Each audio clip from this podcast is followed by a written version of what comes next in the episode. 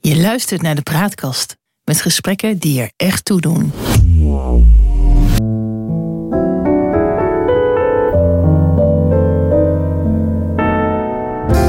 Welkom bij de Praatkast.nl. Dit is een aflevering van het Geheugenpaleis. Mijn naam is John Knierim en samen met Han van der Horst maken we deze podcast. De geschiedenis die herhaalt zich nooit, maar rijmen doet hij vaak wel. En in het Geheugenpaleis gebruiken we dat gegeven om dieper in te gaan op de actualiteit. Zo gaan we aan de waan van de dag voorbij en bereiken we de kern van het nieuws. We scheppen orde in de maalstroom van berichten die het zicht op de grote lijn belemmeren. En we ontdekken zo wat werkelijk belangrijk is. En tussen beide door blijkt dat de werkelijkheid vaak genoeg elke fantasie te boven gaat. Ik wil het hebben over de aftakeling van Rutte, Han. Wat is dat toch dat leiders de neiging hebben om veel te lang te blijven zitten en dan ja, hun opvolging niet goed regelen en dan echt teloor gaan, een aftakeling meemaken. Rutte is volgens mij niet de eerste, maar zeker ook niet de laatste. Uh, wat, wat is dat voor fenomeen? Je ziet dat uh, heel veel bij uh, leiders dat ze zichzelf onmisbaar gaan vinden. Ze kijken in hun omgeving en ze zien eigenlijk niemand die het net zo geweldig door heeft als de leider of de leidster zelf. En dat is ja. bij Rutte duidelijk het geval. Ja. Hij, hij, heeft uh, de afgelopen twee jaar een paar grote crisis overleefd. Niemand gaf een cent voor hem. Maar hij heeft toch weer zijn oude positie uh, heroverd. Dus hij luistert niet meer naar mensen. Nee, er verscheen pas een uh, artikel, een opinieartikel van Hubert Smeets in NRC. En dat had de titel om uh, Rutte heen groeit geen gras. Uh, de situatie in de VVD is momenteel zo dat er uh, op sleutelposities geen mensen zitten die in staat zouden zijn de positie van Rutte over te nemen zonder dat er onmiddellijk grote brokken van kwamen. Ze hebben de ervaring. Ja, ik vond die, ik vond Klaas Dijkhoff altijd wel een, uh, wel een, een, een goede uh, ja, binnen de VVD. Waarvan die denkt, nou, die zou hem wel op kunnen volgen. Of Edith Schippers. En zo zijn er nog misschien wel een paar. Maar die zijn allemaal weg. Die zijn allemaal uh, ergens anders naartoe gegaan omdat ze inderdaad op die dorre weide rond uh, Rutte zaten, waar niet te grazen valt. Uh, ja. Het is, uh, Edith Schippers is naar het bedrijfsleven gegaan. Klaas Dijkhoff is voor zichzelf begonnen met iets heel erg onduidelijks. En ik denk ook wel eens dat hij zichzelf in een soort privé-wachtkamer heeft gezet. Want ooit zal de dag komen dat ze hem roepen om de VVD te redden. Dat is zo'n idee wat ik heb. Want zo'n Klaas ja. Dijkhoff laat zich toch niet in zo'n raar baantje rommelen. Hé, hey, maar wat, wat, wat, is dat dan? Waar, waar, waar valt Rutte aan, uh, aan, aan ten prooi? Want ja, je kan veel van hem zeggen, maar hij heeft in moeilijke tijden toch, uh, denk ik, uh, ja, zijn best gedaan. De boel bij elkaar gehouden, om met Joop den Uyl te spreken. Of met Job Cohen, wie was het? en leiding gegeven aan kabinetten van verschillende pluimage. En dat heeft hij, denk ik, gezien de omstandigheden, best goed gedaan. Dat weet ik niet of hij dat zo goed gedaan heeft. Alle crisis uh, waar we in het moment mee te maken hebben, behalve de inflatie en de energiecrisis, die zijn in grote mate uh, van zijn makelij, in ieder geval van de makelij van kabinetten waar hij uh, leiding aan heeft gegeven. Maar ja. hij kan heel goed zorgen dat de top van het land blijft functioneren, nog los van de ja. resultaten die dat oplevert. En hij denkt momenteel dat er niemand anders is die dat kan. En ja, daarom blijft hij, hij hangen. Daar heeft hij misschien nog wel gelijk in ook. Hij is ontzettend ervaren. Uh, mensen die, uh, die gunnen hem wat. Uh, hij, hij, heeft een hele goede naam in, in Europa. Perfecte man voor Nederland zou je zeggen. Ja, maar die gunfactor die uh, gaat zo langzamerhand verloren. Of die zo'n geweldige mm-hmm. reputatie heeft in uh, Europa, dat, uh, dat weet ik niet. Dat zeggen de Nederlandse commentatoren. En ik denk dat als je in de buitenlandse kranten leest, dat je dan een heel ander beeld aantreft van Nederland. Van een horkerig land dat uh, ja. iedereen de maat neemt en nu ineens allerlei uitzonderingsposities probeert te bedingen, bijvoorbeeld op het gebied van de stikstof. Ik weet niet of dat wel zo klopt. Ja, Dus dat, ja, dat zou kunnen. En ik bedacht me nog iets. Ja, kijk, als je heel lang zit, dan gaan natuurlijk altijd dingen mis in een kabinet. Dat is denk ik al zo oud als eh, de wereld. En als je dan heel lang zit, dan gaan er relatief ook meer dingen mis. En is het nou echt zo dat hij veel meer brokken heeft gemaakt dan de mensen die, die voor hem kwamen? Ik bedoel, uh, ik, kan er nog, ik ken er nog wel een paar. Van acht uh, die er een zootje heeft van gemaakt op financieel gebied. Uh, Kok, die eigenlijk geen goed antwoord had op de hele fortuinrevolutie. Balken en de, die. Ja, bedoel, ze hebben allemaal wel zo hun problemen gehad. En hij zit lang, dus heeft hij meer problemen gemaakt.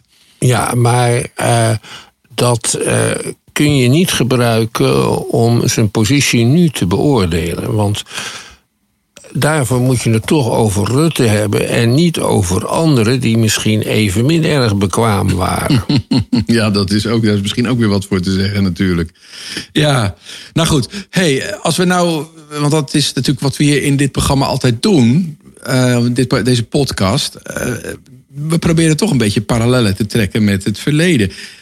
Als we nou eens in de Nederlandse situatie uh, duiken, dan, dan, dan gaat het heel vaak mis bij het aanwijzen van een opvolger in een partij. Hè? Ja, dat komt omdat het niet goed uh, geregeld is.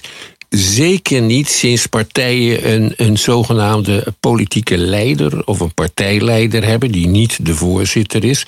En soms minister en soms de fractievoorzitter in het parlement. Dat is een vage functie. Ja. Um, en je moet daarvoor, om die partij te kunnen leiden, een, eh, een, wel een multitalent zijn. En je moet daarna ook nog de grootheid hebben om je opvolger te trainen en in te werken. En uh, de grote Nederlandse partijleiders die het lang volhielden, die hebben dat helemaal niet gedaan. Een goed voorbeeld is premier Lubbers.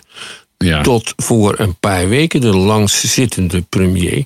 Die had wel een kroonprins, Elko Brinkman. Maar toen die kroonprins tekenen van zelfstandigheid begon te vertonen in de nadagen van Lubbers premierschap, heeft Lubbers hem onmiddellijk laten vallen. En op een heel nare manier, namelijk door op een gegeven moment te vertellen dat hij bij de volgende verkiezingen niet op Elko Brinkman zou stemmen. Eh, nee, op de nummer 2 zei hij dat op hij de nummer 2, dat was Hiers Berlin. Hiers Berlin was dat, ja, ja dat herinner ik me. Ja, en, en Dijks, of uh, uh, uh, hoe, hoe heet het? Brinkman, die had ook de Brinkman-shuffle. Ja. die, die, die wilde zich een beetje profileren, deze, ja. deze man. Die, is ook niet gek, die wilde, natuurlijk. Die, de Brinkman-shuffle, die wilde populair doen. Maar er is een gereformeerde zoon die in dorpen in de Alblasserwaard en op Goeree overvlakke is opgegroeid. Dus die kon dat helemaal niet. Nee. Nee, nee, dat was heel duidelijk. voornamelijk belachelijk. Hij zei dingen die je in Nederland niet moest zeggen, namelijk dat de AOW onbetaalbaar was. En dat leverde alles bij elkaar, samen met de desavouering door Lubbers, een waanzinnige ja. nederlaag op. Het CDA kwam voor het eerst in bijna een eeuw in de oppositie. Uh, en er zat een nieuwe fractie in de Tweede Kamer van zes leden en dat was de Bejaardenpartij. En die Bejaardenpartij die viel na een paar maanden al in uh, duizend stukjes uit elkaar. Maar dat ja. was toch de eerste voorbode van de opkomst van het populisme in Nederland. En zes zetels voor de eerste keer is helemaal niet zo gek in de Nederlandse omstandigheden. Nee, nee, nee, nee, daar had, had hij mee te maken. Maar het was niet zo dat op dat moment het CDA gemarginaliseerd was natuurlijk. Was nog steeds een factor van belang. Ja, maar ze zaten wel in de oppositie. Dat zijn ze ja. acht jaar gebleven. Ze hadden twintig ja. zetels verloren. Ongekend in de Nederlandse politiek tot dan toe. Dus nou, dat had Lubbers aardig geregeld.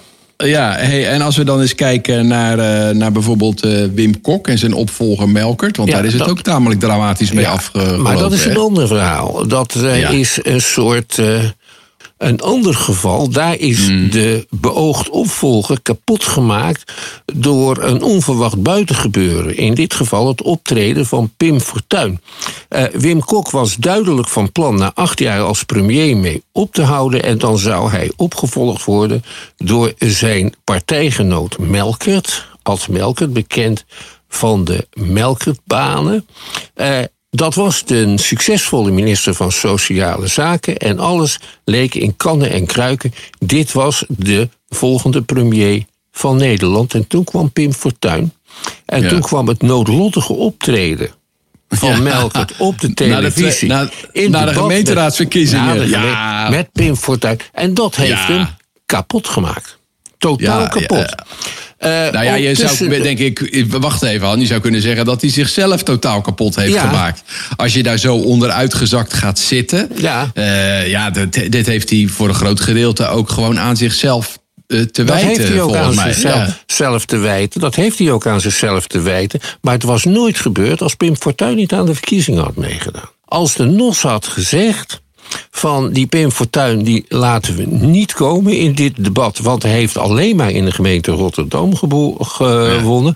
Als dat Ja. allemaal niet gebeurd was, was het met Melkert waarschijnlijk heel anders afgelopen. Ja, maar dat, Hetzelfde dat, dat- geldt voor Wacht nou even, wacht nou even. Ik vind dat, ik vind dat toch wat te makkelijk. Je, moet, je kan dit ook niet zien, die opkomst van Fortuin... zonder wat er in die kabinet, dat kabinet van, van Kok... En, en, en die kabinetten van Lubbers daarvoor heeft plaatsgevonden. Ja, natuurlijk. Zij hebben die, die Fortuin ook eigenlijk voortgebracht. Dus dan kan je wel zeggen, ja, anders was Melkert het geweest... Ik denk dat die grote partijen wat hebben laten liggen... waardoor iemand als Fortuin de kans kreeg. Dat is dan toch iets ingewikkelder dan, dan wat jij nu hebben, voorspiegelt. we hebben het nou over het Ja. kapotmaken van opvolgers. Oké, Ja? ja. En, en, eh, daar zat ook aan tafel Hans Dijkstal als Ja. opvolger van Bolkestein. Precies, de opvolger van Bolkestein, die zeer succesvolle leider van de VVD, die tijdens eh, die acht jaar paars persoonlijk de rol van de oppositieleider had op zich genomen, maar alleen over Mhm. ja. allerlei abstracte punten. Heel erg knap gedaan. Ja. Eh, Ik vond het wel een intellectuele grootmacht, deze ja, man. Hoor. dat was hij ook. En dat is hij ook, want hij leeft nog en hij is nog Ja. actief. Eh, maar Dijkstal, dat was de beoogde opvolger van Bolkestein. Dat was ook allemaal Ja. zo geregeld. Bolkestein zou naar Europa gaan. En eh, Dijkstal zou hem in allerlei, waarschijnlijk ministerschappen, opvolgen. Omdat de PvdA verreweg de grootste partij was, zou dat onder Melkert moeten zijn. En dat is allemaal weggeveegd door het optreden van Pim Fortuyn. Die heeft eh, aan beiden alles weten op te hangen wat volgens hem mis was in Nederland. Wel knap, dus niet terecht, maar wel knap Ja. natuurlijk, toch? Ja. Nou Dus dat maar kan ook gebeuren. Ja, dat kan precies. Hey, dat, dat is in het wat recente eh, verleden. Als we nou wat verder de Nederlandse parlementaire geschiedenis induiken, heb jij nog andere voorbeelden? Abraham Kuyper. Abraham, Kuyper eh, wanneer de- praten we dan over welke tijd? eh, die is in ongeveer? 1838 geboren en in 1920 overleden. Dus is heel oud geworden. Zeker oké. voor die tijd. Abraham Kuyper is de grondlegger van de christelijke partijvorming in Nederland. En ook min of meer de uitvinder van de verzuiling.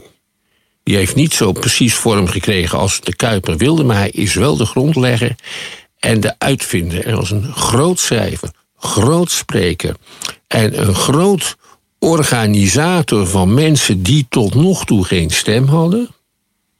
Ja, En het was een onmogelijk mens. ja. Hij en hij, hij kwam op als, als, als reactie op, op het socialistische gedachtegoed? Nee, hij kwam op, zien? op, het, op het liberalisme. Hij wilde de kleine luiden, de Ja. orthodoxe protestantse gelovigen, een stem geven. Nadat hij zelf van vrijzinnig orthodox was geworden. En hij kon dat heel erg goed. Hij was hoofdredacteur van een dagblad, De Standaard. Hij zat in de Tweede Kamer. En hij Mhm. heeft de eerste moderne Nederlandse politieke partij opgericht. De antirevolutionaire partij met afdelingen en bestuur en alles wat erbij hoorde. Hij gebruikte alle moderne technieken van zijn tijd om aanhang te verwerven. Maar als jij goed was, bijvoorbeeld goed was een rechter uit Den Bosch die toch gereformeerd was, de Savonin Lohman, Ja. dan, eh, dan ging dat na een tijd heel erg slecht. Daar kwam een ruzie van en die Savonin Lohman heeft uiteindelijk in armoede maar zijn eigen partij opgericht. Dat is de Christelijk Historische Unie, waar De oudere Dus ook een voorganger van horen. de, van de CDA. Ja, ja, ja.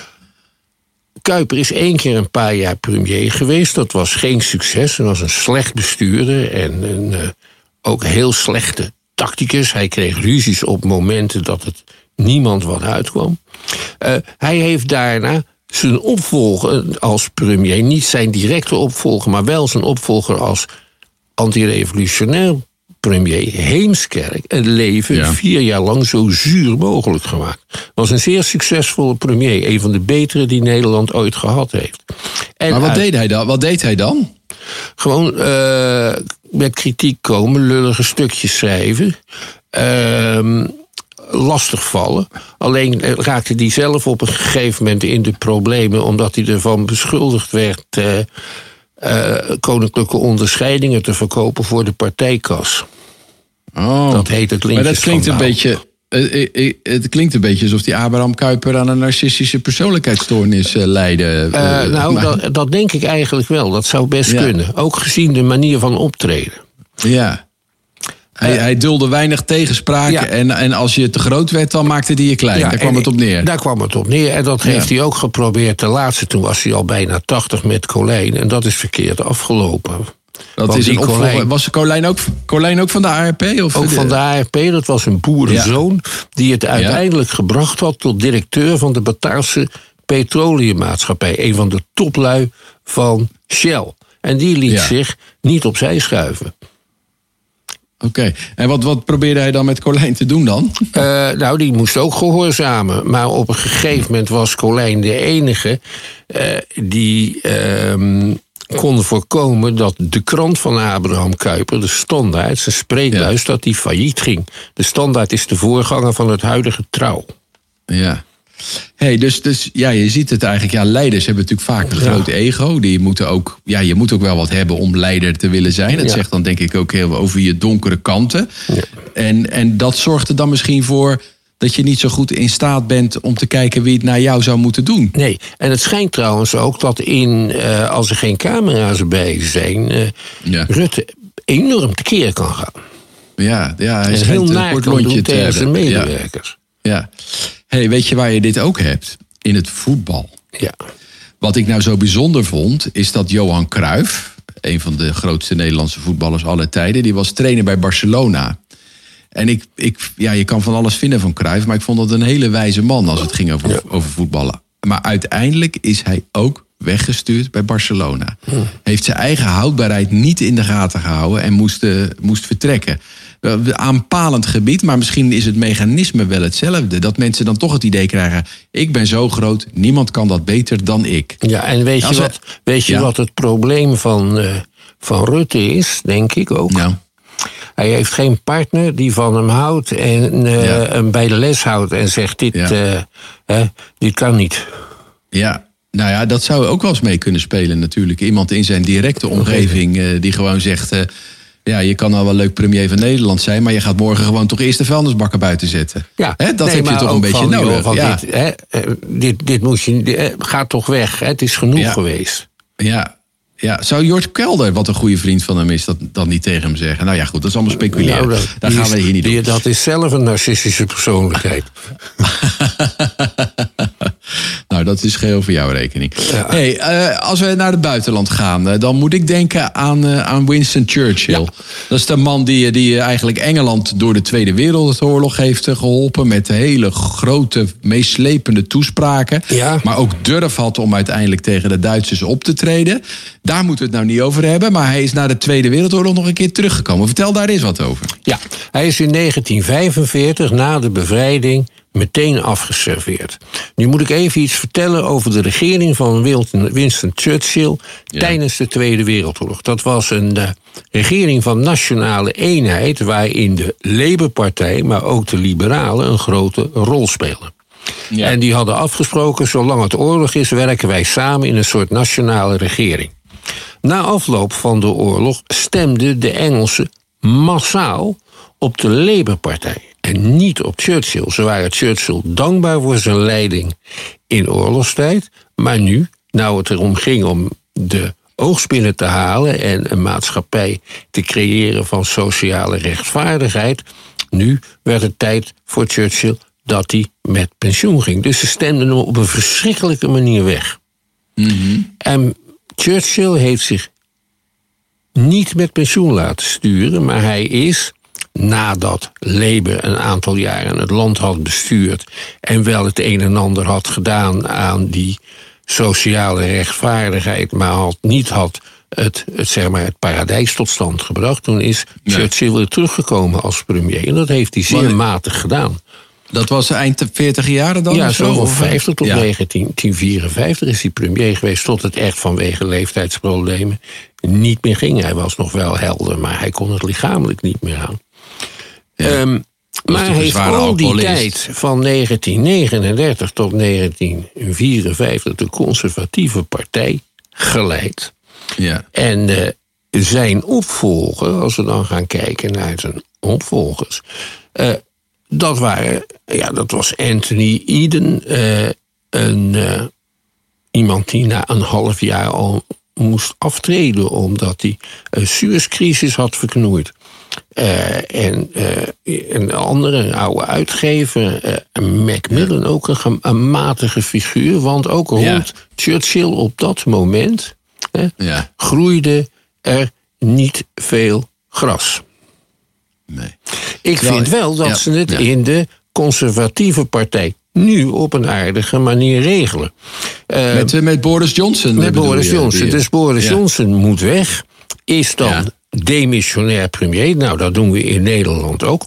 Ondertussen uh, zijn er een soort interne verkiezingen in de fractie van de conservatieven. Er komen een heleboel kandidaten naar voren. Als er uiteindelijk twee over zijn, dan ja. mogen de leden stemmen. En tussen de ja. twee meest populaire, of twee meest aanvaardbare conservatieven mm, in het oog mm, van de fractie kiezen. Dat is nou, niet zo'n ja, systeem. Ik, ver, ja, in basis wel, maar ik vertrouw het toch niet helemaal hoor. Je kan het ook een beetje manipuleren. Waardoor je een hele slechte kandidaat zet tegenover een kandidaat die als fractie eigenlijk wil. Je kan, dus je kan alles manipuleren. Ja, dat is natuurlijk zo. Maar ja. ik, ik, ik, ik ben hier niet helemaal, uh, ja. helemaal uh, duidelijk uh, of, of, of dit nou echt zo eerlijk is.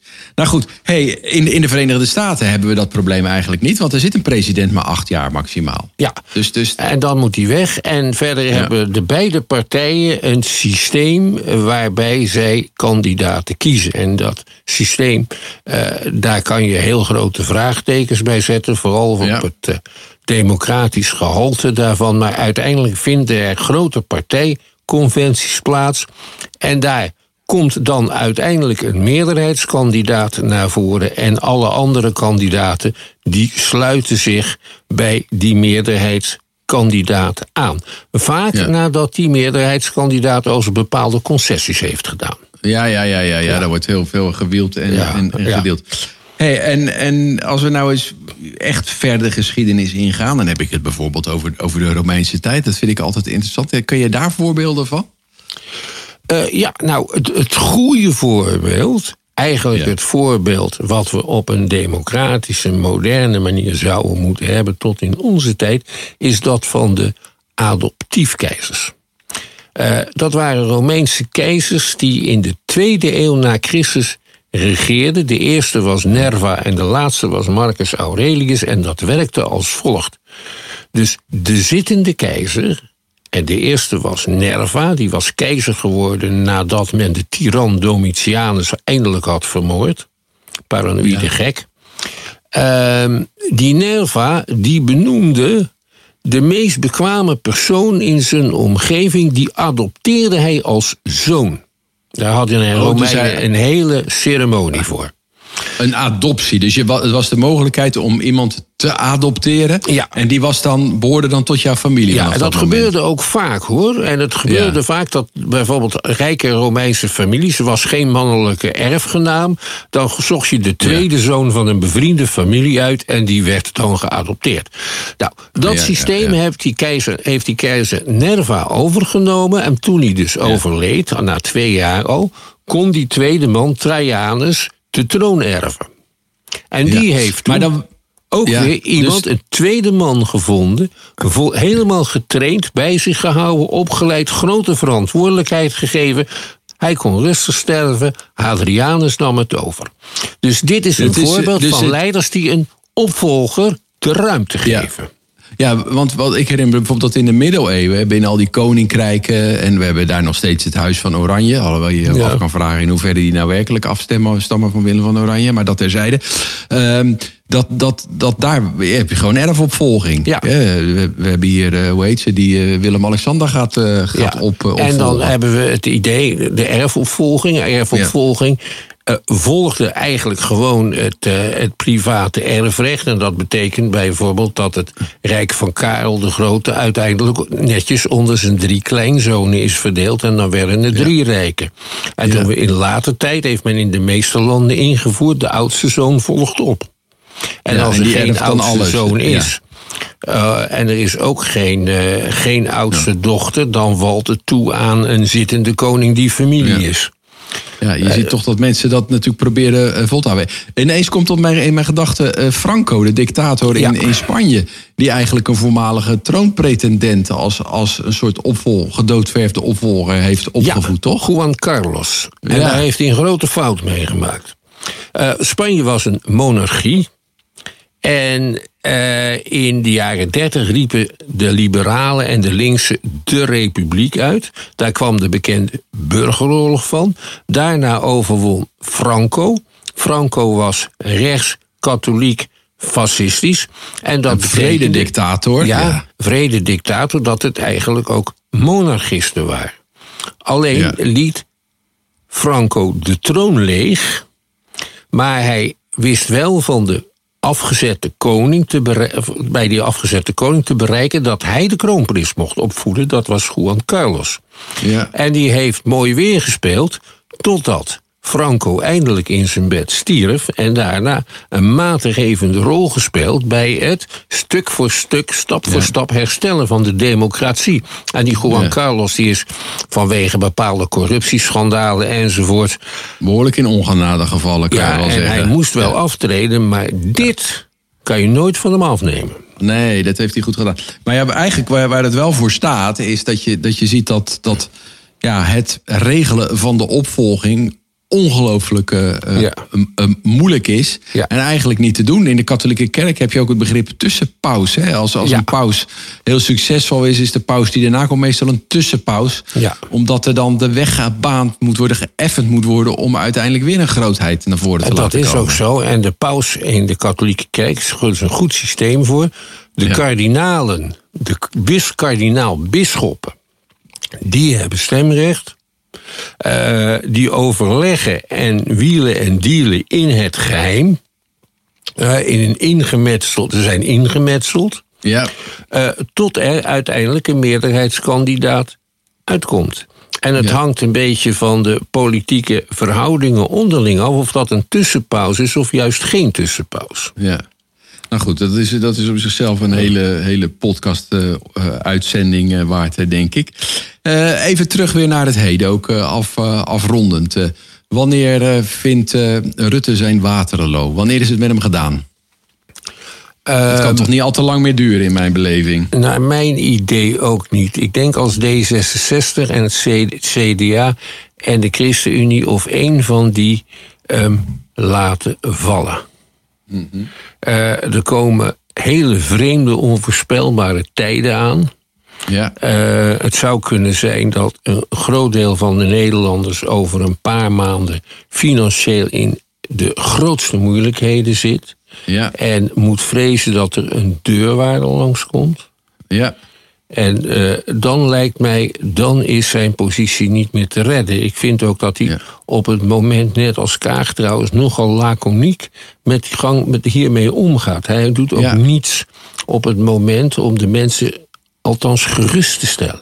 Nee, ik heb, ik heb zelf de hele tijd de indruk dat, dat straks op 1 september ineens Rutte op tv verschijnt en zegt: eh, Nederlanders, eh, dit is wat er aan de hand is en dit is wat we eraan gaan doen. En als eerste verklaart hij de, de, de gaskraan in, in, in, in Groningen weer, weer open. Verlaagt de BTW, gaat inkomenssteun geven. Dat zou echt leiderschap tonen zijn, denk ik. Dat zou nog een manier kunnen zijn waarop hij het nog even kan uitstellen, denk ik. eh, Als hij zoiets zou doen. Ja, maar ik denk niet dat hij de kans krijgt om zoiets te doen. We zien op het moment dat de fractievoorzitters van de regeringspartijen eh, Ja. allerlei geheime overleggen hebben Ja. om er, eh, eruit te komen. En er is maar één manier om eruit te komen, naar mijn idee. Dat zijn heel radicale maatregelen. Een prijs- en loon- en prijsstop. Eerst een Ja. prijscompensatie en daarna een loon- en prijsstop. Het eh, bevriezen van de gasprijzen en van de elektriciteitsprijzen tot een bepaalde afgepaste hoeveelheid. En daarna wordt het heel erg duur. Ja. Want Nou we goed, moeten ja, dat zijn, die eh, waar het om energie- gaat is... eh, dat zijn, ja, dat, dat zijn ja. oorlogsachtige maatregelen. Precies. Maar de situatie is ook oorlogsachtig. Ja. ja. Nou goed, we gaan dat de komende tijd eh, zien eh, hoe, eh, hoe dit gaat. En dan ja, zal ook duidelijk worden wie uiteindelijk Rutte gaat opvolgen. Het probleem met Rutte, ook voor wat het voorspellen van de toekomst is... het is een duikelaar, maar geen slome. Nou, met deze komische noot komen we aan het einde van deze aflevering van het Geheugenpaleis. We maken dit in samenwerking met de Praatkast. En de uitzendingen zijn te vinden op www.praatkast.nl. En daar kun je nog heel veel meer andere podcasts beluisteren. Maar je kunt je ook abonneren op onze podcast in je favoriete podcast-app. Dan krijg je automatisch een bericht wanneer de nieuwe aflevering online komt. En vertel ook je vrienden over ons en laat een beoordeling achter. Dan worden we nog beter gevonden en beluisterd. En wil je ons mailen, stuur een bericht aan info.praatkast.nl. Voor nu bedankt voor het luisteren en tot de volgende keer. Wees gelukkig, blijf gezond.